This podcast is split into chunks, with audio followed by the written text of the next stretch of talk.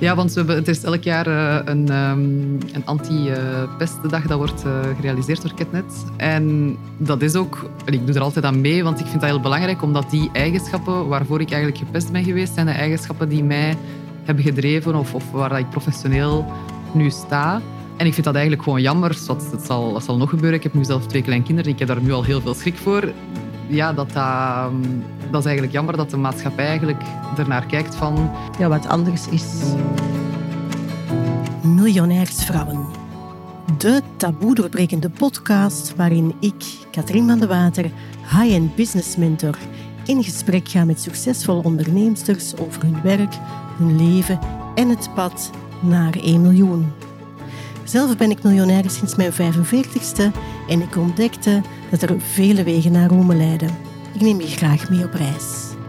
Het is mijn intentie om van overvloed het nieuwe normaal te maken.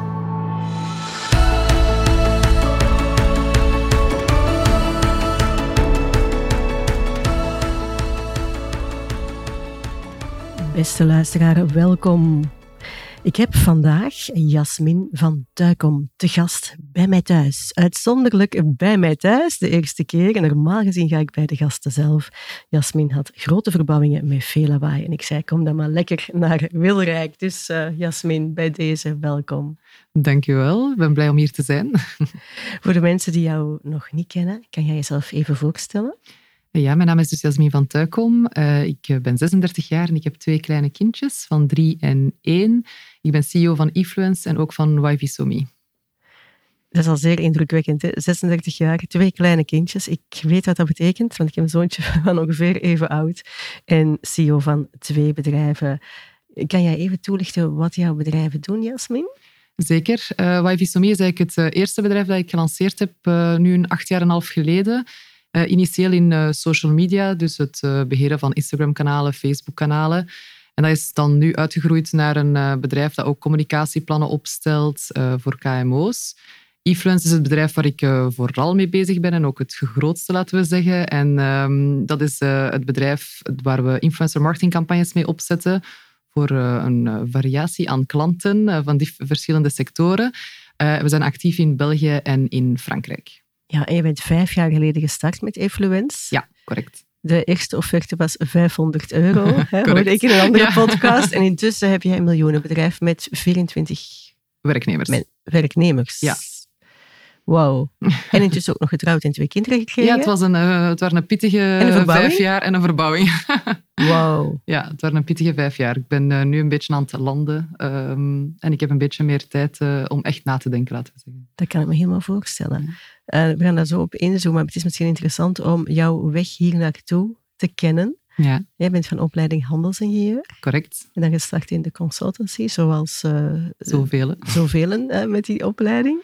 En dan toch de gebaande paden durven verlaten. Kan je ja. nog iets over vertellen over dat parcours tot nu toe? Ja, ik heb inderdaad um, vijf jaar in consultancy gewerkt na uh, mijn studies. Ik heb er eigenlijk niet te veel over nagedacht. Dat was wat dat de meesten in mijn uh, studierichting deden. En het was eigenlijk een beetje, laten we zeggen, een verlengde van mijn studententijd. Uh, ik woonde in Brussel. Dat was eigenlijk heel leuk. Ehm, de consultancy is ook gekend om veel leuke afterworks en zo te organiseren. Dus waren, mijn collega's waren mijn nieuwe vrienden, laten we zeggen. Dus dat was super tof. Ik heb er eigenlijk niet echt veel nagedacht over de inhoud van mijn werk. Um, tot na vier, vijf jaar zat ik... Uh, ik zat veel bij de klant zelf. En ik besefte van die motivatie van, van de mensen of de sectoren waar ik misschien in zat, dat was meer de banksector, de publieke sector, um, merkte ik van oei, dat is hier precies toch niet waar ik eigenlijk thuis hoor, laten we zeggen. Hmm. En op een bepaald punt voelde ik ook gewoon dat ik niet meer op mijn juiste plaats was. En ik, ik merkte ook bij mijn managers dat ik daar eigenlijk niet goed terecht kon om te zeggen van ik wil iets anders doen. Ik wil, ik wil bijvoorbeeld meer naar de marketing gaan, want ik zat toen in uh, risk management, dus uh, interne audit, iets helemaal anders natuurlijk. En uh, daar, daar stonden ze ook zo niet voor open. Dat is natuurlijk ook een systeem. Partners hebben hun eigen departementen, hun eigen mensen. Om dan te switchen was eigenlijk vrij moeilijk. Dus ik voelde me wel een beetje geblokkeerd. Maar ik was ook nog niet klaar om echt ja, iets anders te doen. Ik had dus die interesse voor die marketing. Social media was op die moment heel veel aan het opkomen. Instagram werd toen gelanceerd. Ik was daar persoonlijk veel bezig met foto's en zo. En um, ik had een, de vriend die, die een eigen um, bedrijf lanceerde. En hij vroeg, ah, wilt je mij niet helpen voor mijn Instagram-kanaal? We hebben een opening binnenkort om ehm, dat te lanceren. Ik zei, ah ja, oké, graag. En dat was eigenlijk zo goed gelukt dat eigenlijk andere mensen, in, in, dat was in de horeca, uh, hem vroegen van, oh, heb je dat gedaan? En hij had dan mijn naam doorgegeven. En zo ben ik eigenlijk begonnen stilletjes aan met daar zo wat eerste klanten, uh, laten we zeggen, ehm, te hebben. En dan ben ik eigenlijk gestart in bijberoep als social media expert. Mhm. En dan ben je ook nog ergens naar Brazilië gegaan ja, in die correct. uh, ja, dat was eigenlijk de, Brazilië was eigenlijk de, laten we zeggen, de trigger om van uh, bijberoep naar hoofdberoep te gaan. Want ik kon natuurlijk mijn consultancy-job niet, um, niet blijven voortdoen van, van daaruit. En ja, social media kan wel natuurlijk. Hè. Alles is online. Oké, je zit in een verschillende tijdzone, maar dat hmm. ging wel. Um, en dat was eigenlijk dat kwam eigenlijk echt op het juiste moment, want ik deed eigenlijk zowel mijn bijberoep niet meer goed als mijn, als mijn hoofdberoep. Dus dat was een beetje de push dat ik nodig had. En wat maakte dat je naar Brazilië ging? Uh, mijn ex-vriend had daar een, uh, een job gekregen en ja, ik dacht, ik ga mee, ik heb eigenlijk niks te verliezen. Okay. Um, dat is dan daar wel gedaan geraakt. Dus na een jaar ben ik dus terug naar België gekomen. Maar dat was wel echt de, mm, ja, de trigger om, om echt in mijn hoofdberoep te beginnen en om een beetje te ontdekken van oké, wat werkt, wat werkt er niet, wat kan ik financieel vragen, wat kan ik niet vragen. En eigenlijk om mijn eh, klantenbestand van daaruit dan in België verder uit te breiden. Mooi. En dan kwam Influence op je pad? Ja, dat is eigenlijk eh, gekomen omdat ik dan ben dan in hoofdberoep gestart als uh, social media expert en ik ben beginnen workshops te geven, Instagram, Facebook. En ik kwam dan natuurlijk, doordat ik die, die ehm, kanalen beheerde, heel veel in contact met influencers die zelf vroegen van ah, mag ik eens gratis komen eten? En dan post ik wat foto's en zo. En in België was dat toen nog niet zo super gekend. Ehm, ja, in Amerika of zo wel natuurlijk. En ik dacht, oké, dat is misschien wel een, een gat in de markt, laten we zeggen. Van ja, dat is hier totaal nog niet geprofessionaliseerd. Dat ik dat misschien eens meer ga bekijken. En ik heb dan eigenlijk een, eh, een incubator gecontacteerd. Dat was Startup Factory. Dat is eh, een startup incubator van, uh, van BNP. En die hebben mij eigenlijk de eerste drie maanden geholpen met hoe moet je je prijzen zetten, eerste contacten, zo die dingen. En zo is dan eFluence inderdaad gelanceerd geraakt. Gelanceerd en intussen vijf jaar later. Ja.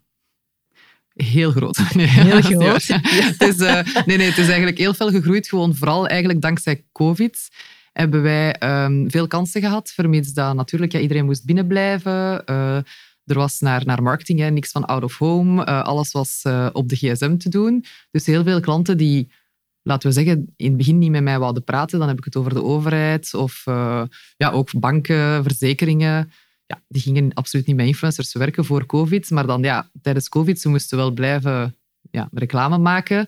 Maar waar? Ja, iedereen zat op zijn gsm. Dus social media was het medium. En dankzij dat hebben we eigenlijk heel veel nieuwe sectoren en heel veel nieuwe type klanten kunnen aantrekken, die dan daarna niet meer vertrokken zijn. Prachtig. Ik bedoel, dus COVID is voor een aantal sectoren echt wel ja, booming geweest. Hè? Zeker. Ja, het was wel uh, een stressvolle periode, want ik was op die moment zelf hoogzwanger van, van ons eerste kindje dan. Mhm. Ik heb wel in het begin, uh, ik had toen, uh, waren er zes werknemers, denk ik, um, op, op tijdelijke werkloosheid wel moeten zetten, want in het begin iedereen trok zijn budgetten in. Tuurlijk. En dat is eigenlijk dan heel goed, na een maand of twee, is dat hij, heeft dat eigenlijk heel goed herpakt. Ik ben dan bevallen. en dan, vanaf dan, ja, september dat jaar, is het echt, ik denk dat wij toen op drie maanden meer dan 50% van onze omzet van dat jaar hebben gerealiseerd. Door het feit dat iedereen naar het einde jaar dan begon te communiceren, maar op social media. En was dat ook ineens zo een onverwachte boost? Was dat ook wat jij vooraf naartoe wilde? Wil jij het zo groot maken? Nee, dus dat was voor mij niet, zeker niet de bedoeling. Het was eigenlijk zelfs met eFluence, dus ervoor, bij, bij YVSOMI dan, was ik, uh, waren we altijd met twee, drie. Um, en bij eFluence... Oh, ik, qua team. Ja, qua team. Ja, Er waren altijd twee, drie werknemers. Vaak ook meer op freelance basis dan effectief op, op eh, de payroll, laten we zeggen. Voor eFluence was dat eigenlijk nooit echt de bedoeling, of toch zeker niet zo snel. Covid heeft dat dan heel veel geaccelereerd. En dan, dat bedoel ik ook, dat je dan in zo'n soort flow komt. Ik weet niet hoe ik het moet uitleggen. Je gaat maar mee. Hè. Er komen meer klanten. Oké, dus we moeten daar nog iemand aannemen. Hmm. Ah, er komt nog een klant uit Frankrijk. Misschien moeten we iemand in Frankrijk. Ik heb er eigenlijk allemaal niet zo veel over nagedacht of zo heel bewust mee bezig geweest. Tot ik ineens... Ik weet nog dat iemand mij vroeg van ah, hoeveel uh, omzet draaien jullie met eFluence? Ik weet niet hoeveel dat, dat toen was. Misschien 200.000 euro of zo. Op, op uh, ik weet niet, acht maanden. En hij vroeg hoeveel werknemers heb je? waren er toen zes of acht. En hij zei, oh, hoe kun je die allemaal betalen? En toen dacht ik, ah ja, kan ik die eigenlijk wel betalen? Dus dat is, dat is voor mij totaal niet zo super bewust uh, gelopen. Ik keek gewoon naar, oké, van hoeveel werk heb ik? Oké, er er, er is heel veel potentieel, dus we moeten erop inzetten. Ik heb geluk gehad, zeker die eerste twee jaar, dat dat eigenlijk is goed gekomen financieel, want ik was, nu ben ik daar heel bewust mee bezig. Hmm. Maar toen totaal niet. Zeg je dan dat bij jou dat succes jou bijna overkomen is? Of is er toch iets anders op een dieper niveau dat, dat maakt dat je een heel succesvol bedrijf hebt neergezet? Ik denk dat er een paar dingen gecombineerd zijn. Dus sowieso de, juiste moment in de juiste sector. Hè, dat, ik zat sowieso... Ik heb het, het risico genomen in het begin om, om alles in te zetten op Instagram, op die social media. Toen ik begon was dat niemand kende. Nu, nu zijn er heel veel social media experten, maar toen was dat totaal niet gekend. Ik weet nog dat dat een, een punt was dat ik daarvoor betaald ging worden zelfs. Dat was al, ja, dat was al zot, laten we zeggen. Dus daar heb ik een risico zelf gepakt om in een bepaalde sector te gaan die toen nog niet, nog niet gekend was. Langs de andere kant hebben we dan COVID. Ja, kon ik natuurlijk niet voorspellen dat dat natuurlijk heel positief ging zijn op, ehm, op uh, de business waar ik in zat. En dan was er natuurlijk ook de combinatie met, um, met dat ik in contact ook gekomen ben met een uh, potentiële aandeelhouder die ook mijn, um, ja, die versnelling ook heeft kunnen door, doortrekken doordat zij al een groot klantenbestand hadden. En waar dan wij aan top werden aangeboden. Dus er waren eigenlijk verschillende factoren door langs de ene kant het, uh, de juiste sector te hebben gekozen, maar langs de andere kant kon ik zeker niet voorspellen dat die sector zo ging boomen. Uh, vijf jaar en je hebt wel de kans gegrepen als ze zich voordeden. 100 procent, ja. ja. En ook het risico genomen op die moment dat ik niet... Ik zat natuurlijk ook in een situatie, ik had nog geen kinderen, um, ik had geen verbouwing. Dus financieel, ja, ik ben van een consultancyjob naar uh, 150 euro in de maand gegaan zonder auto. Ik heb mijn BMW 1 uh, laten vallen. Allee, ik wil maar zeggen, ik heb dat risico wel genomen, maar dat was wel op een moment mhm. dat het ja, kon eigenlijk. Dat is interessant, want jij zegt ja, eh, dat was er allemaal niet. Maar ik hoor heel veel mensen in die situatie zeggen, maar ik kan dat risico niet nemen, want ik ben alleenstaande. En dat vind ik zo interessant. dus dat ik heel vaak argumenten hoor om geen risico te durven nemen. Of soms is het, ja, maar ik heb twee, twee kinderen of één kind, of ik ben alleenstaande moeder, dus ik kan dat niet doen. En ik, ja, net wel. Ja, inderdaad, net wel. Want het, op die moment is er, er zijn zeker nog, ik heb uh, bij die, bijvoorbeeld in Frankrijk te starten, heb ook een risico genomen. Die verbouwing was een risico. Ik, ja, ik ben er gewoon voor gegaan omdat ik ergens toch wel echt moet geloven in mezelf. En moet geloven in het bedrijf is één ding, maar vooral in mezelf, want het bedrijf is, is ook... Ja, is een verlengde van je. Is een verlengde, dus jouw energie komt eerst en jouw bedrijf volgt. Dus, dus is dat iets wat je altijd gehad hebt, geloof in jezelf? Nee, zeker niet. En hoe is dat gekomen? Um, ik denk ja, ik heb, uh, ik heb in het lagere school wel een heel moeilijke periode gehad met, met veel, uh, veel gepest geweest te worden. En dan zijn we naar Zwitserland verhuisd met mijn ouders. En daar, ja, dat was zo gelijk een nieuwe start. En ik heb daar eigenlijk heel veel vrienden gemaakt. En als we dan terugkwamen naar België rond mijn 16, lastige leeftijd, um, heeft mij dat wel... Ja, ik heb dat toen in een heel toffe klas terechtgekomen. En ja, dat heeft mij zo heel veel een boost gegeven. Maar ik moest echt door eh, dat, de, dat pesten en dan dat Zwitserland-verhaal, waar je de taal niet spreekt en zo niemand kent, heb ik mijn eigen echt moeten profileren. Op die moment een beetje als iemand dat ik niet was misschien. Heel zelfzeker, outgoing, dingen die ik niet was vroeger. En dat heeft mij zeker wel gemaakt tot wie ik, wie ik nu ben. Dat als ik in een situatie kom waar ik, dat nieuw voor mij is, of, of waar ik misschien niet super comfortabel ben, dat ik, mij wel, dat ik zal wel zal zorgen dat ik zelfzeker overkom of dat ik eh, ik ga gewoon zorgen dat ik me er comfortabel in voel. En hoe wist jij als kind dat dat een manier was om... om dat, zeg, als je al gepest wordt, en je zei in onze intro ook van dat je verlegen was als kind. Ja. Hoe oud was je toen? Negen, Negen tien, Dus dat je dan toch al die wijsheid had van dat er een ander gedrag mogelijk meer helpend zou zijn. Dat is super slim, hè? Een ander gedrag was gewenst. Ja, dat voelde ik. Maar dus dat je, dat, dat, je dat, dat bewustzijn al hebt en dat dan niet alleen hè, als bewustzijn hebt, maar dat ook kan, kan doen. Dat is fantastisch, hè? Ja, de, de reden waarom ik gepest werd, was omdat ik ja, verlegen was. Omdat ik uh, een beetje een haantje de voorste was in de klas. Uh, ik wist altijd alle antwoorden en ik wou dat ook heel graag delen met de juf, dat ik alle antwoorden had. Dus ja, het typische. Hè.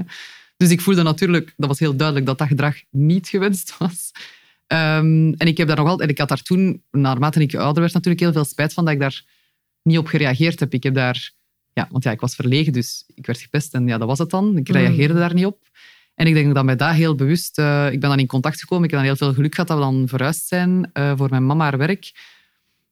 Dat ik dan in een compleet nieuwe omgeving, dat ik echt wel van nul kon beginnen eigenlijk. Hmm. Dus ik heb wel dat geluk gehad. Had dat niet geweest, Mhm. Had misschien, had je misschien dichtgeklapt. Hè? Want Ja, nu dat, dat- voilà.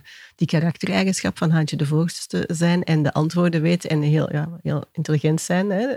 eh, ja, heeft wel geleid tot waar je nu Voilà. staat. Hè? Ja, want we hebben, het is elk jaar eh, een, ehm, een anti-pestdag dat wordt eh, gerealiseerd door Ketnet. Mhm. En dat is ook... Ik doe er altijd aan mee, want ik vind dat heel belangrijk, omdat die eigenschappen waarvoor ik eigenlijk gepest ben geweest, zijn de eigenschappen die mij hebben gedreven of, of waar ik professioneel nu sta. En ik vind dat eigenlijk gewoon jammer. Dat, dat, zal, dat zal nog gebeuren. Ik heb nu zelf twee kleinkinderen. Ik heb daar nu al heel veel schrik voor. Ja, dat, dat, ehm, dat is eigenlijk jammer dat de maatschappij eigenlijk ernaar kijkt van... Ja, wat anders is. Voilà, of, of dat dat niet, niet stoer is, of dat dat niet leuk is om... om ehm, en zo die dingen, ook zeker, want ik ben al tien jaar actief op social media. Ik trek me dat niet meer aan. Ja, maar dat leer je ook. Hè? Nee. Je moet dat echt leren om je daarover te Ja, zetten. hè. Van, ik trek me dat niet aan wat andere mensen zeggen. Zoals die podcast doen, of, of vertellen over vroeger, of vertellen over e-friends. Maar ik zie het, mijn zoontje is 4,5, die zei vanmorgen, en ik kan dat nu niet voordoen, maar ik bedoel, hij zei ja, het kindje uit de klas, hij noemt de naam, zegt dat ik zo ben en doet zijn duim naar beneden. Dus ik mag aan een 4,5 jaar en hij vond dat heel jammer, al uitleggen hoe dat hem daarmee mag omgaan. Ja. Dus, dus dat doet al pijn, hè. En, en, ja, maar fijn dat je ook je schouders daaronder zet, onder meer bewustwording. Want ehm, ja, ik zie dat de meeste miljonairsvrouwen die ik spreek, zijn niet doorsnee. Moesten ze doorsnee zijn, zouden ze geen miljonairsvrouw zijn. Dus eh je bent vandaag de gast in de podcast Miljonairsvrouwen, de taboe doorbrekende podcast. Is dit voor jou spannend, Jasmine, om, om Ja, ik heb wel even getwijfeld, sowieso. Ehm, ik heb zeker getwijfeld, omdat dat ook niet iets is. Ik weet niet of zo naar mijn eigen omgeving toe, naar mijn, naar mijn vrienden of, of familie zelfs, dat dat echt een, een, een punt is dat, dat bewust, waar iedereen bewust echt zich van is. En dat is ook niet iets, natuurlijk, ja, over influence is dat natuurlijk wel geweten. En, maar ja, daar werkt 26 man. Ja, het is wel nodig natuurlijk dat dat die omzet er is. Dus ik denk, daar heb ik zeker wel over getwijfeld. Maar langs de andere kant, het is een beetje wat ik zei. Ik vind, ik vind het wel belangrijk dat, je kunt, dat er over zo'n dingen gepraat kunnen worden. Ook om misschien een, een idee te geven aan andere mensen dat het zeker mogelijk is. Ook al heb je een, een niet-traditioneel pad gedaan, of deels wel een traditioneel pad. Want ik heb heel veel in de, in de juiste richting gelopen, heel lang. Ehm, en dat het allemaal wel mogelijk is, maar ik vind het zeker spannend en ik heb, eh, ik heb er zeker over getwijfeld. Ja. Hmm. Heb je in aanloop hier naartoe het verteld tegen mensen uit jouw omgeving? Nee, Dus het is echt een coming-out. ja, het gaat zeker een coming-out zijn, ja. Hmm. Dankjewel voor het vertrouwen. Geen probleem. ik merk dat bij veel miljonairsvrouwen en mijn aantal heb ik echt nadien nog contact. En ze zeggen allemaal, we vonden het toch wel spannend, maar eigenlijk hebben ze alleen maar positieve reacties nadien. En ook, ik krijg bijna dagelijks, echt, dat is echt bijna dagelijks, zou je moeten tellen, berichten van mensen die zeggen, "Ah, het is zo inspirerend. En om ook te laten zien dat er heel veel wegen naar Rome zijn, maar ja, als er geen voorbeelden zijn, is het voor mensen soms moeilijker om dat pad te zien, hè? dat het wel degelijk kan. Ja, dat begrijp ik. Ik denk ook, als ik, eh, als ik, zelfs als ik met vriendinnen praat of zo, dan blijft het altijd een, een beperkende factor van... Ik hoor heel vaak, ja, maar dat, ik kan dat niet, want... eh, ze, ik kan het niet, want eh, inderdaad, er zijn kinderen, of, of want ik heb de capaciteiten niet, of, of, of iets anders, of ik zit nu in dit carrièrepad, dus ik ga dit ook blijven doen. En voor mij, natuurlijk, ja, dat zijn mijn vriendinnen, dus ik ga daar niet altijd heel veel op inpikken, want ja, zo van mij moeten ze geen raad krijgen, bij wijze van spreken. Maar ik denk dat ze vaak ook zo soms kijken naar mij van, ja, maar voor u is, Voor u is het gemakkelijk. voor u is het gemakkelijk. Dan denk ik, ja, ik heb ook heel veel risico's gekomen en ik ga er zeker in de, in de toekomst nog nemen. En misschien gaat dat goed aflopen, misschien gaat dat niet goed aflopen. Maar als je die stappen niet zet, gaat je het nooit weten. En ik heb altijd zoiets, als, het nu, als ik een volgende professionele stap zet en dat werkt niet, ja, ik, heb, ik kan ik perfect terug aan, aan de, de slag ergens, eh, ergens in een ander bedrijf of zo. Ik, ik, ik ga niet mijn, mijn eigen kansen verpesten eigenlijk, want ik vind dat je dan je eigen blokkeert door, door niet die stap te zetten naar iets wat ik wil. Als het voor mij niet meer goed voelt, dan moeten er stappen ondernomen Hmm. worden. Ik kan eigenlijk heel slecht tegen mensen zeker naar, ik, ik denk dan vooral terug aan mijn consultancyperiode, die de hele tijd aan het klagen, aan het klagen, aan het klagen over hun werk. En dan denk ik, ja, waarom zit je hier dan nog? Hmm. Dus ik kan daar heel moeilijk mee om. Zeker op professioneel vlak. Mm. Maar ja, niet iedereen is zo van dan te zeggen van oké, ik, ik vertrek dan. Ik vind niet dat je moet vertrekken als je een slechte dag hebt gehad. Nee, nee, nee, nee, nee, je- Ik heb ook de zin kies en bemin je keuze. Ja, Ik bedoel, eh, ja, alles is een keuze, maar dat hoor ik natuurlijk niet. Er zijn een aantal mensen die dat niet graag horen, maar Hm. ik, ik geloof ook dat we heel veel, me- veel meer keuzemogelijkheden hebben dan we vaak denken. Zelf denken, ja, zeker. Heb jij coaches rondom jou die... Want ik bedoel, het is topsport. Hè? Je bent CEO van twee bedrijven, twee kleine kinderen over verbouwing en dit allemaal op vijf jaar tijd. Ik bedoel, dan moeten niet onder stoelen of banken zeggen, dit is topsport. Word jij omringd door, door coaches die jou helpen om staande te blijven in al die rollen? Ehm, ik heb wel lang eh, inderdaad een coach gehad, meer, meer business dus. Echt eh, naar, vooral ja, voor mij natuurlijk, zeker influence. Ik was al zelfstandig en al vijf jaar, maar influence was wel echt een ander, een ander niveau. Dus naar het... Naar het een, En ook een heel andere rol, hè? een hele andere rol, ja, inderdaad. Naar teamleiden en zo. Dus naar leadership heb ik wel ehm, een, een tijdje een coach gehad. Dan ook naar eh, mijn aandeelhouder eh, is ook zelf in de marketing, dus naar het, het, het type content, of laten we ja, de, ook. Eh, die helpen mij zeker ook op, op dat vlak. Dan daarna meer de, laten we zeggen, de combinatie van alles. Niet echt. Ik denk, ja, ik heb heel veel geluk. Hij haat het als ik dat zeg, maar ik heb heel veel geluk met mijn man. Eh, die, die wel superveel helpt nou, in het, dus met de kinderen natuurlijk. Dus dat is, is zalig. En ik heb eigenlijk ook, hij heeft ook, hij is een veel eh, rationeler persoon als mezelf. En hij heeft ook twee, drie jaar geleden tegen mij gezegd, eh, als eh, met e-friends dan, hij zei van, Jasmin, nu heb je echt, echt iemand nodig, professioneel dan, die u kan helpen naar het managen van het team. Want ja, ik zat daar met toen 16, 17 man die alle problemen naar mij kwamen brengen. En ik nam, ik nam dat uiteraard mee naar huis. Dus ik was altijd aan het klagen, daar komen we dan over. en dus hij had zoiets van, oké, neemt iemand aan. En dat is een supergoeie keuze geweest. Oh, dus ik heb een rechterhand nu, die eigenlijk, waar ik supergoed op kan vertrouwen. En die dat eigenlijk... ehm, dus ik heb, laten we zeggen, niet echt... Want die coaches zijn nu ook niet meer actief van, dat, van, dat, van die leadership. Maar ik heb wel bepaalde mensen rondom mij, professioneel en privé, die mij heel veel helpen en waar ik heel veel kan op leunen. Ja, dat wel. Ik heb me wel nodig, een goed hè? netwerk. Ja. Ja, absoluut. Ja.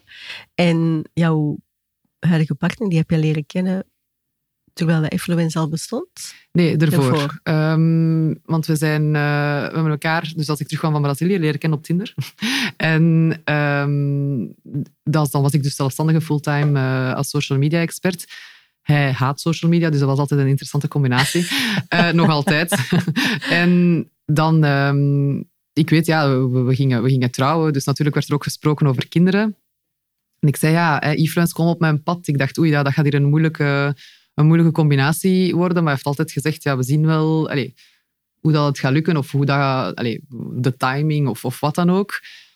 Ik ben zelf een heel ongeduldig persoon. Dat heeft zijn voor- en zijn nadelen. Maar ik dacht, we gaan er direct voor en we zien wel hoe het gaat. En ja, voilà. Dus mijn eerste dochter, ik was uh, ja, na een jaar e-friends zwanger. Dus ja, het is uh, allemaal in combinatie gegaan. Maar ja. Ik uh, had gisteren, of eergisteren, was Vicky Peters hier. Zij is kinderwenscoach en zij begeleidt 40-plus vrouwen met een kinderwens. En zij zegt dat ze uit onderzoek blijkt dat heel veel zeer succesvolle vrouwen op veel latere leeftijd kinderen krijgen. En dan ging het ook over de moeilijkheid om een partner te vinden als je heel succesvol bent. Denk je dat dat voor jou anders was geweest? Want jouw partner kende, hè, stond aan het begin mee, dus ja. was er al, heeft heel die reis meegemaakt. Zij vroeg die vraag aan mij, ik ben benieuwd hoe, hoe jij daarnaar kijkt. Stel, stel dat jij geen partner had gehad en op dit moment een partner zou willen vinden, zou dat moeilijker zijn, denk je? Ik denk dat dat inderdaad wel moeilijker zou zijn. Niet voor, niet voor mijn man. Dat zou geen probleem zijn. Omdat hij zelf ook, ja, zelf ook uh, een goede job heeft en zo. En hij vindt dat ook juist aantrekkelijk, laten we zeggen. Dat is ook voor hem belangrijk. Ik denk in een andere situatie, als als ik geen job zou hebben of zo, dat dat al zo bijvoorbeeld een, een punt zou zijn voor hem dat, dat niet zo interessant zou zijn. Dus ik denk voor mijn huidige partner niet, maar ik kan me wel inbeelden dat dat voor veel mannen soms een beetje... Zeker, ik denk eigenlijk niet alleen het, het financiële, maar ook... Ik merk wel, ik kan dat wel echt zeggen van mezelf, in de voorbije vijf jaar, dat ik wel veranderd ben qua karakter, laten we zeggen. Ik sta veel zelfzekerder in mijn schoenen. Ik, ik ga dan ook veel meer mijn mening zeggen. Ik merk dat nu ook bijvoorbeeld met de verbouwing en met al die mensen dat daar rondlopen. Ik ben er veel directer tegen en dan ik bijvoorbeeld vijf jaar geleden misschien zou geweest zijn. Dus ik kan misschien denken voor mezelf dan in dat opzicht, voor dan een partner te leren kennen die, waar dat je dan direct eigenlijk heel straight to the point mee zijt. Ik denk dat dat misschien inderdaad moeilijker zou zijn. Maar inderdaad, hier is, ja, voor mij is dat dan natuurlijk niet het geval geweest. Maar ik kan me dat wel Hmm. inbeelden. Ik ben wel heel veel veranderd de voorbije vijf Ja, succes. jaar. Allee, Ik bedoel, ook het pad naar. Hè. Ik bedoel, zeg zo, het miljonairschap is voor, voor de meeste vrouwen die ik gesproken heb, eigenlijk voor iedereen geen doel op zich geweest, maar het, maakt, het vormt je wel als mens. Ja, zeker. En dat is ook een interessante wat ik heel vaak tegenkom, ook bij, als ik met klanten spreek, is die, die polariteit, en dus die mannelijke vrouwen en versus vrouwelijke energie, dat om succes te, om die, die, die stappen te zetten, is er een behoorlijke portie mannelijke energie nodig. Dus waar, daar waar dat je professioneel heel ver mee komt door die dingen in te zetten, ja, als je dat in een relatie gaat inzetten, ja, dat wordt dan een, een moeilijke. Hè? Zeker. Is dat iets waar jij bewust mee bezig bent? niet super bewust, maar ik merk dat wel inderdaad. Wat ik wel bijvoorbeeld merk is, eh, professioneel ben ik zeker... Ik, ben wel een beetje... Privé en professioneel, laten we zeggen, zijn er veel gelijkenissen in de zin van ik ben een persoon die veel lacht. Eh, Soms op, op momenten dat eigenlijk totaal niet grappig zijn. Ik ben, dat is gewoon mijn een beetje ontwapenings eh, naar andere mensen, dat ze zich op, op hun gemak bij mij zouden voelen. Dus ik merk ook als ik dan professioneel ineens op mijn strepen sta, is dat moeilijk voor mijn team. Ze verschieten, ze denken van oei, ze is echt ze is kwaad. Terwijl ik denk als je iemand hebt die continu zo is, ja, dan trekt je dat natuurlijk niet aan. Terwijl op privévlak, mijn vriendinnen zeiden vroeger altijd dat ik was het lieveke van de groep. Uh, ik ben een beetje een people pleaser, dat was altijd al geweten. En dat is de laatste jaren veel minder. Dat merken zij ook. Er wordt soms dus al lachend een opmerking over gemaakt. Dus ik merk wel natuurlijk dat ik daarin, daarin veranderd ben. Maar ik merk ook voor naar die zeker in, die, in, in bepaalde gesprekken, vooral naar klanten toe. Ik vind dat niet per se mijn team, omdat mijn team ook altijd nog vrij, vrij jong is. Maar naar klanten toe of zo merk ik wel dat ik een bepaalde andere energie zal uitstralen dan dat ik privé doe. Hmm. Sowieso. Hmm. Ja. ja. Zijn er vriendschappen afgevallen nu dat je succesvol bent? Nee, absoluut niet. Dat ook ook omdat... Een, dat is ook een hele mooie, want heel veel vrouwen zijn daar bang voor. Hè? Ja. Dat ze zeggen van, oei, ja, ik ga dat niet doen, want mijn omgeving gaat dan verdwijnen. En dat is ook bij mij de ervaring. Van, ik heb een paar zeer waardevolle vriendschappen die al 20 en 30 jaar duren. En mijn vriendinnen zijn geen onderneemsters. En dat hoeft dus helemaal niet. Nee, voilà. Ik heb, ook, uh, ik heb ook zeker niet veel die echt uh, ja, in het ondernemerschap zitten. Wel sommige zelfstandigen of zo. Maar dat heeft absoluut geen... Ik, moet zeggen, ik heb echt superveel veel geluk. Want die zijn allemaal inderdaad, zoals we ook in het begin zeiden, heel... Uh, de positieve reacties als ik bijvoorbeeld iets, iets persoonlijk deel. Ik schrijf nu ook een nieuwsbrief of zo. Ze zijn dan direct de eerste die de nieuwsbrief zullen inschrijven, de eerste die zullen posten erover. Van, ah, dus ze zijn echt super... Allee, ze steunen mij super hard. Dus allee, daar ben ik heel dankbaar voor. Ik heb natuurlijk als influence lanceerde, of, of, of zeker met, met het, uh, het social media gebeuren, is altijd wel een beetje een onderwerp geweest dat een beetje al lachend is, is um, ontvangen. Dus ik denk dat, ze daar, dat daar wel ineens zo'n klik is geweest bij iedereen van ah, oké, okay, ja, het werkt toch. Ze meent het toch, hè? Ze meent het toch, van, ah, dat we daar toch mee gaan verder gaan. um, en dat er toch geld mee te verdienen valt. Dat ik denk dat dat voor sommigen ineens wel... Dat, dat kantelpunt is ook eigenlijk maar een paar jaar geleden gekomen. Zeker met influence dan. Daarvoor hmm. verdiende ik wel mijn boterham. Maar dat is echt wel dat, dat kantelpunt is met influence gekomen. En je ziet dat bij veel mensen klikken. Terwijl ze altijd aan het lachen waren met influencers. Ah, gaat je allemaal een selfie nemen? En oh, daar worden ze dan voor betaald. En allee, dat is toch schandalig. Dat is wel heel... Die uh, parley is wel veranderd. en praten jullie daar veel over? Over influencers? Of, uh... Ja, gewoon over, over het werk. Ik bedoel, over jouw bedrijf. Want ja. ben, bijvoorbeeld met mijn vriendinnen, wij praten daar nooit over. Zij ah, volgen ja. mij ook niet. Of amper. En ik vind het ook helemaal fijn. Uh, ja, jawel, wij wel. Ik denk ook meer gewoon naar de situatie dat, dat ik wel soms nood heb, of, of vroeger nog meer, denk ik, als nu, nood heb aan het uh, ventileren over vooral dan de, de, problemen met het team of, of uh, problemen met klanten of de investeerder, heb ik zeker veel over, over verteld. Nu is dat iets minder, omdat dat ook gestabiliseerd is. In de zin van, dat, ja, vroeger moest ik dan ook altijd heel veel naar Frankrijk. En ja, er werd heel veel over gepraat. Zij volgen mij ook allemaal op social media. Dus zij weten eigenlijk... Ik heb gisteravond met mijn vriendin afgesproken. Ik moet bijna niks vertellen, want ze hebben mij altijd... ja, ik wil zeggen, uiteraard deel ik niet al mijn persoonlijke nee, dingen. Maar ik wil maar ja, zeggen, ze, ze zijn, zijn wel goed op de hoogte. Ja. Ja. ja.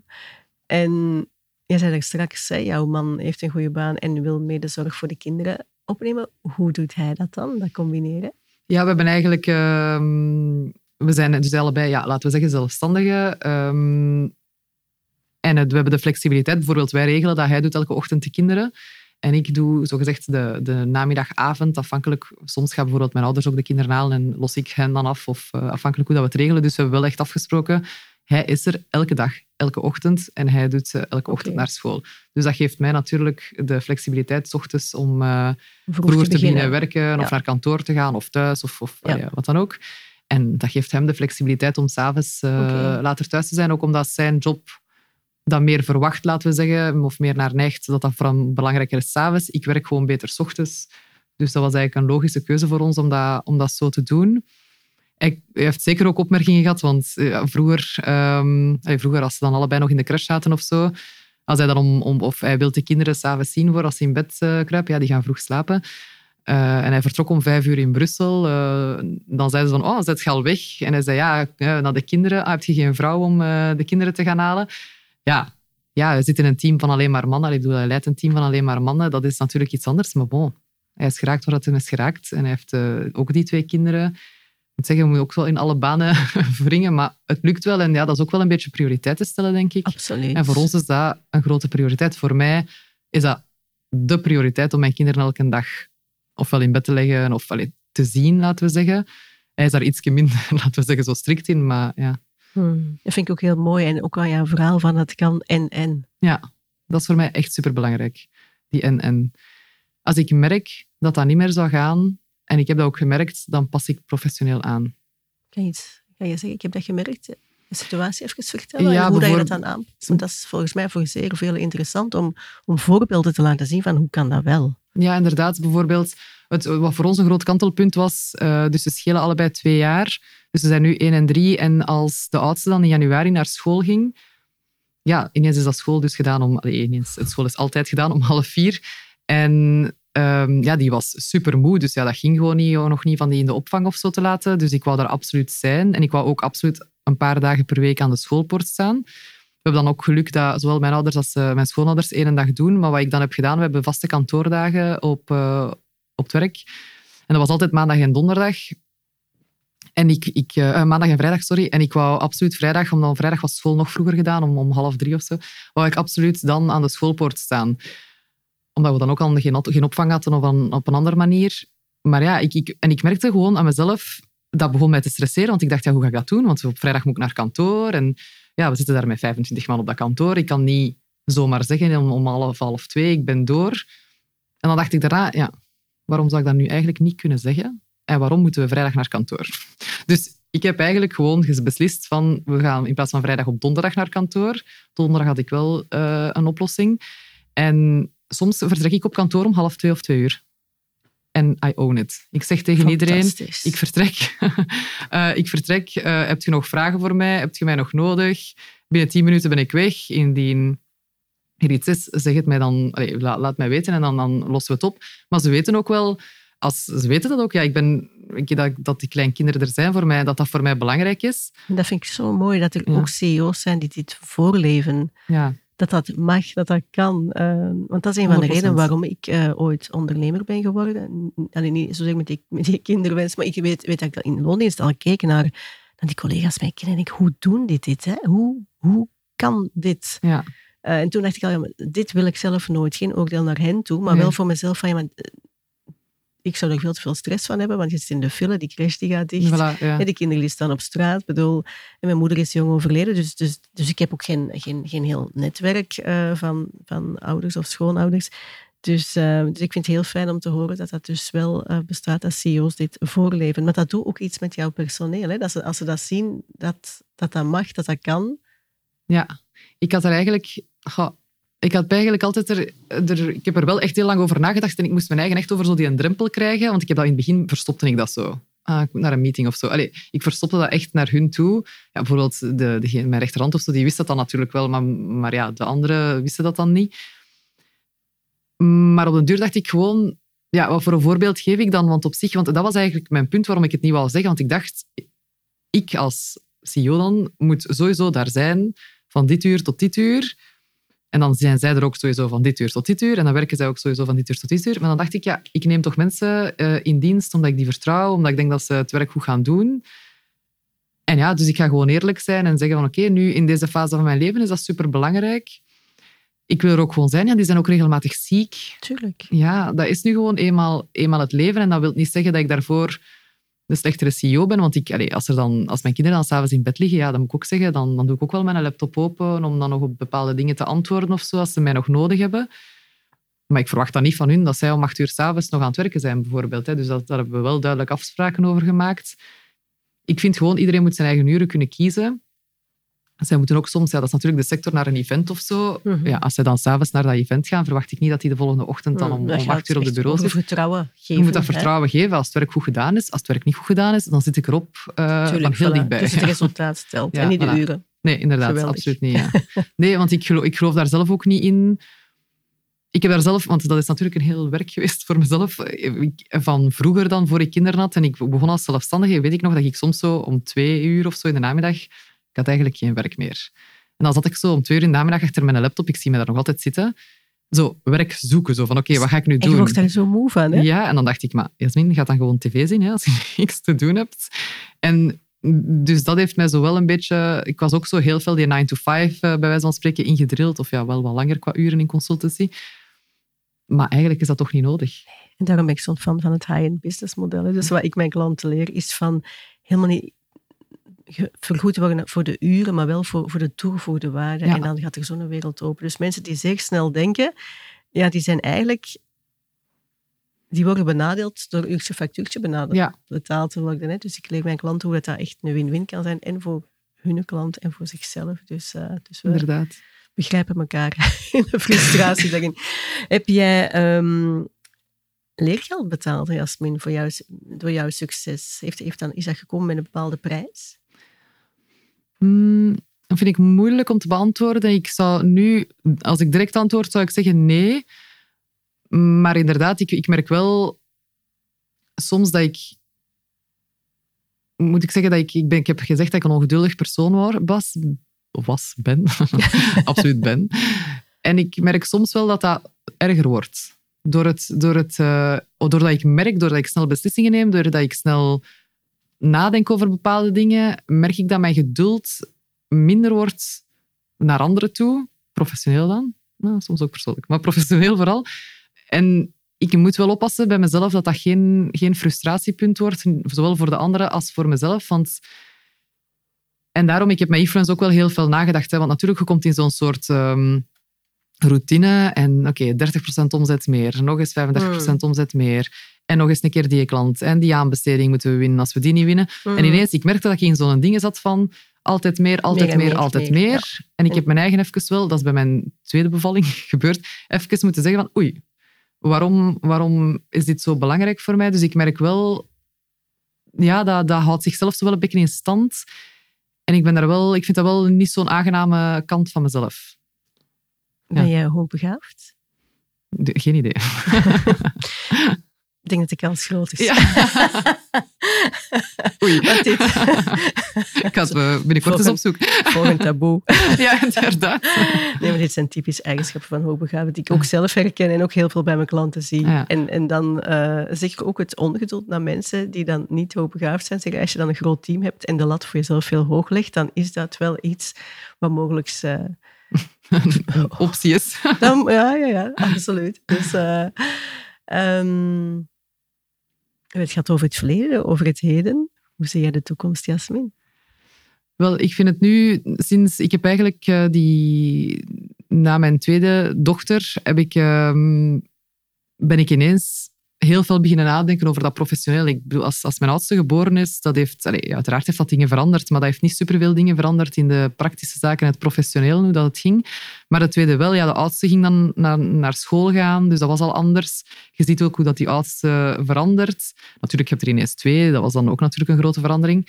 En ineens merkte ik wel van oké, ik wil niet verder doen zoals ik nu bezig ben. Dus daarom heb ik dan wel een beetje, laten we zeggen, een beetje teruggeschroefd professioneel in de zin van naar de uren dat ik doe. Of ik heb heel veel, ik heb heel veel leren delegeren. Dat, dat is iets dat mij enorm heeft geholpen. Ik heb ook wel heel veel vertrouwen, zoals ik zei, in, in mensen. Als het dan natuurlijk niet zo is, dan pak ik het wel heel snel terug. Maar ik wil zeggen, ik geef heel gemakkelijk vertrouwen in het begin. En dat heeft mij wel geholpen om, om even afstand te nemen. En nu merk ik ook weer, er zijn bepaalde dingen... Iemand vroeg mij onlangs van... kun je al je creativiteit weg in je job? En dan was mijn antwoord eigenlijk nee, momenteel niet. Dus ik ben bijvoorbeeld begonnen uh, om met YVSOMI terug nieuw leven in te blazen, communicatieplannen op te stellen, meer naar personal branding van, van ondernemers uh, te gaan. Maar ook bijvoorbeeld een nieuwsbrief te schrijven, gewoon eigenlijk om die creativiteit een beetje terug, terug vrij te laten. En dus ik denk daar eigenlijk wel over na. Ik, ik ben ook zo een beetje... Uh, sommige mensen vinden dat... Ik wil het woord belachelijk niet gebruiken, maar ik schrijf zo... Om de zoveel maand schrijf ik eens een keer zo mijn doelen op, wat ik absoluut wil, wil doen. En dan vaak zijn dat ook doelen die totaal niet realistisch zijn, bijvoorbeeld. Of toch niet in mijn huidige job. Uh, alle schoolvakanties thuis zijn. Uh, allez, zo van die maar dingen. daar kan ik jou bij helpen. ja, voilà, inderdaad. dus ja, zo'n dingen. Dus dat bedoel ik, dat ik dan wel... En dan probeer ik mij daar wel naar te, naar te switchen. Dus dat is voor mij nu mijn, mijn toekomstplannen. Zijn e-friends uh, is, is altijd een, een, laten we zeggen, meer een eindig verhaal geweest. Ik heb dat nooit uh, achter stoelen of banken gestoken. Ik heb, zoals ik zei, een aandeelhouder. Dat is een corporate venturing. Als op een bepaald moment het mij minder interesseert of, of, of wat dan ook, dan, dan zal er wel een bepaald moment zijn dat het eindig is. Nu ben ik daar nog heel gemotiveerd voor en ik vind dat nog altijd heel interessant, omdat er ook nieuwe dingen bij komen kijken. Ja, het is sowieso interessant om je bedrijf zo te bouwen dat je ja. misbaar bent. Voilà. Hè? Dus het moment dan dat het leven of jezelf voelt van... Kijk, ik bedoel, je weet nooit wat er gebeurt, maar het is niet gezond als CEO onmisbaar is in zijn eigen bedrijf. Hè? Nee, zeker. Dat, dat is inderdaad een punt geweest dat ik ook vooral dus uh, sinds het laatste jaar echt heel veel mee bezig ben geweest. Van mij niet meer zelf in alle meetings te, te zetten. Niet meer dat is gekomen door jouw tweede kindje, hoor ik ja, zeggen. eigenlijk dus, wel. Dus, dus ik hoor heel veel vrouwen zeggen van, goh, ik durf eigenlijk niet aan kinderen. Zeg ambitieuze vrouwen, ik durf niet aan kinderen beginnen, want ik ga dat niet, niet kunnen combineren. Ik hoor in jouw verhaal, ik zie dat ook in mijn eigen verhaal, dat net een kind heel erg helpt om het anders te gaan bekijken. En dat Ja. er veel meer mogelijkheden zijn dan we aanvankelijk denken. Hè? Ja, ik heb, ik heb veel meer leren relativeren, laten we zeggen. Sowieso, van wat is belangrijk. Ik heb echt momenten gehad dat ik in meetings zat, of, of, of uh, met klanten of aandeelhouders, of wat dan ook, teammeetings, dat ik dacht van, amai, moet ik daarvoor mijn kinderen naar de crash sturen, fulltime, om hier, in, hier te zitten? Dus dan dacht ik wel, oké, er zijn wel duidelijk dingen waar ik absoluut niet moet bij zijn. En dat ik dan beter ofwel bij mijn kinderen ben, ofwel aan, aan iets anders werk dat voor mij ja, belangrijker zijn, laten we zeggen. Of, of nuttiger, want dat is eigenlijk wel een punt die toegevoegde waarde is voor mij superbelangrijk. Ik ga een heel stom voorbeeld weergeven, maar ja, natuurlijk, uh, wat ik, ik, wij werken in Brussel Centrum, om daar elke dag, als we naar kantoor gaan, anderhalf uur over te doen aan Brussel Centrum. Ik zeg nee. Dan doen we ons uren van tien tot drie en iedereen werkt ervoor en komt daarna naar kantoor. En ja, ik denk dan altijd, dat heeft nu toch niemand niks van toegevoegde Nee. waarde van hier dan anderhalf uur te zitten. Dus ik kijk heel veel daarnaar. En ja, dat heeft, ik weet niet waarom dat, dat zo getriggerd heeft als, als uh, Stella dan geboren is. Ja. Ik denk dat een kind Hormonen. gewoon heel erg dwingt om efficiënt te worden. Ik zie dat Ja, mezelf ook echt- van... Ja, mijn werkdag stopt om half vier. Die stopt zo dadelijk om twintig na twaalf. Ga ik mijn zoon halen.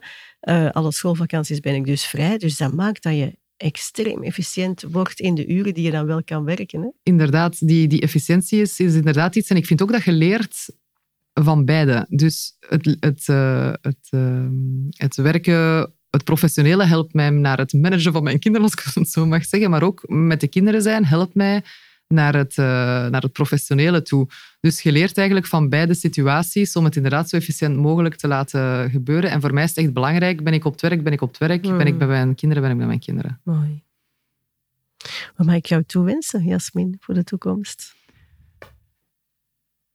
ja, ik ben een beetje daar zo een. Um, ik, ik vind, ik weet nog dat iemand altijd vroeg hè, van wat wil je later worden en zo die dingen. Je hebt zo'n bekende quote van. En ja, voor mij is dat gewoon, ik wil, ik wil doen wat ik wil. Ik wil flexibiliteit. Hmm. Ik wil gelukkig zijn in die flexibiliteit. Ik denk ook dat dat veranderlijk is. Had je mij die tien jaar, tien jaar geleden Tuurlijk. gevraagd, had ik, een, had ik gezegd van oh, ik wil een, een, een uh, laten we zeggen, een professionele carrière die, die uh, interessant is. Vijf jaar geleden dacht ik, ja, ik wil er nu wel graag goed geld mee verdienen met die professionele carrière. Ja, dat is allemaal gelukt. Voilà. En nu denk ik, flexibiliteit, keuzes kunnen maken en die ook durven maken, dat ik kan doen wat ik wil, ja. waar ik zin in heb. Ja, dat is echte vrijheid. Hè? Ja. Ik gebruik soms de term conscious miljonair. Hè? Dus niet gewoon miljonair, maar conscious miljonair. Voor mij is een conscious miljonair iemand die door zijn of haar talent de wereld mooier wil maken. En die niet zozeer uit is op status en eigen gewin, maar bedoel, het uiteraard het heel mooi, een heel mooi leven mag hebben, maar ook uh, daarvan wil delen aan goede doelen, uh, op andere manieren impact maken. Is dat iets wat bij jou is daar ruimte voor geweest de afgelopen vijf jaar? Want ik kan me voorstellen dat dat zo vol staat dat je, dat, dat misschien uh, naar de toekomst meer gaat zijn. Maar benieuwd hoe dat je daar naar kijkt. Ja, ik ben eigenlijk, dat is eigenlijk nog niet super lang inderdaad, maar, maar dus door die keuzes uh, na Stella haar geboorte, dus dat is een jaar, nog, nog een jaar en een half geleden, mm. ben ik dus wel meer, ik weet niet wat echt per se de, de voor mij is dat belangrijk van maatschappij, is, zegt altijd de definitie van succes is veel geld, is eh, een mooie wagen, is eh, een goede positie vooral. De, de titel van manager is nog altijd beter als... Uh, terwijl dat niet waar is, dat is absoluut geen promotie. Je moet daar bepaalde skills voor hebben, maar dat wil niet zeggen dat je als manager beter bent als andere mensen in het team of wat dan ook. En daar wil ik eigenlijk heel graag vanaf. En, en ik vind dat heel belangrijk om, om zeker, ja, dat is natuurlijk meer naar vrouwen toe, maar ook mannen, van, te beseffen van het moet niet, je moet je niet kapot werken om om financieel stabiel te zijn of om gelukkig te zijn of om een bepaalde status. Status kan alles zijn. Voor u is succes iets anders dan voor mij. En voor, voor uh, iedereen kan succesvol zijn op zijn eigen manier. En dat kan ook veranderlijk zijn. En dat is voor mij iets waar ik nu heel veel mee bezig ben als ik met mensen praat of, of, of in mijn nieuwsbrieven of als ik ergens eh, op events kom. Wil ik het daar vooral hebben dat ja, je hoort zoveel mensen in burn-out of, of ik wil het daar vooral meer over hebben van het kan anders. Het, het kan anders dan uh, elke dag met, tegen uw goesting naar, naar uw werk te moeten rijden. Ik doe ook veel dingen professioneel tegen mijn goesting. Daar gaat het niet over, want het is niet altijd zo. Maar dat is voor mij super belangrijk om, om, om mensen te laten zien dat er keuzes zijn. We hebben het in het begin gezegd. Hmm. Er zijn keuzes, ook al zegt je tegen je eigen van niet. Oké, ja, en ook wat je er straks aanhaalde rond pesten, dat je daar meer sensibilisering rond... Uh, ja. Maar dat is ook een voorbeeld Ja, dat is ook uh, super belangrijk voor mij, ja. Dus, uh, mooi. Dankjewel, Jasmin. Misschien, nog, één, nog, misschien nog, één, nog één vraag, de allerlaatste van. Wat wil jij de luisteraar die zegt van, kijk, ik wil ook miljonair worden, wat wil jij hem of haar meegeven? Ik denk dat het belangrijk is om, om, om, om jezelf eerst af te vragen, waarom wil ik dat worden? Want voor mij is dat niet per se altijd een doel op zich, laten we zeggen, maar het is wel een manier, een manier van, van leven. Of, en dan te schrijven, ik ben echt een, een, ik schrijf dingen neer, om op te schrijven, oké, dit is mijn doel. En dan dat in kleine stapjes uit te bouwen van, oké, hoe zou de eerste stap dan kunnen zijn dat ik nu kan maken in mijn leven om daar dichterbij te geraken. Want er zijn altijd stappen die je kunt nemen. Ook al ziet je je eigen heel gelimiteerd van, ja, maar ja, ik heb mijn job nodig, want er moeten inkomsten zijn. Oké, dan kan er misschien iets in bijberoep uh, gestart worden al om, om een beetje die, die, um, ja, die dingen te, te verminderen. Of ik kan... Um, ik kan bijvoorbeeld een volgende stap nemen naar, naar een eh, coachingprogramma of ik kan uh, een opleiding gaan volgen. Er zijn altijd stappen die hmm. zeker kunnen gebeuren. Ook al denk je van niet. Ja, sommige mensen hebben er gewoon geen zin in. Hè? Die willen dat eigenlijk misschien wel worden, maar willen het risico niet pakken. Of, of hmm. hebben zoiets van, ja, ik wil liever Netflix kijken. Ja, mij geen probleem. Ik kijk supergraag Netflix. Hè. I totally get it. Maar dus er zijn wel dingen natuurlijk die er moeten, zeker in het begin, voor opgeofferd worden. Hmm. Ja. Dus ja, die stapjes uitschrijven en eerlijk zijn met jezelf van ben ik bereid die stappen ben ik bereid die stappen te zetten, ja. ja. En dat risico te nemen. Hele mooie om af te sluiten. Zeker zo, hè. deze podcast komt live in uh, december. Zo de decembermaand vind ik ook altijd... Ga ik zelf ook weer aan de slag met mijn doelen voor volgend jaar. Dus uh, heel inspirerend en dank je wel voor jouw verhaal. Ja, bedankt. Laat dit verhaal een inspiratie zijn voor jou om na te denken over hoe jij wil werken en leven. Mogelijk herken je jezelf voor een deel in dit verhaal. Alles begint met een verlangen en het zetten van een concrete stap.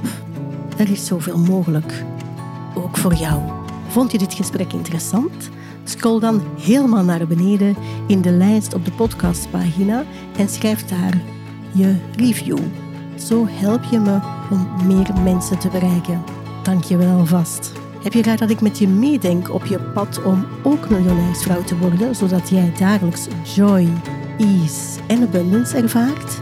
Vraag dan een gratis strategie-sessie met me aan via de link in de show notes.